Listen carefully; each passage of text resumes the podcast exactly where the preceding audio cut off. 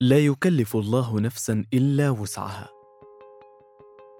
حلقات هذا البودكاست هي أمثلة ملهمة لمعنى عظيم في هذه الآية.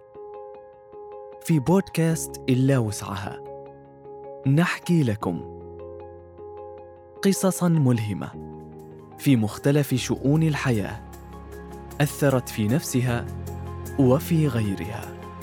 وعلينا نرويها لكم. إلا وسعها. من كاسيت بودكاست.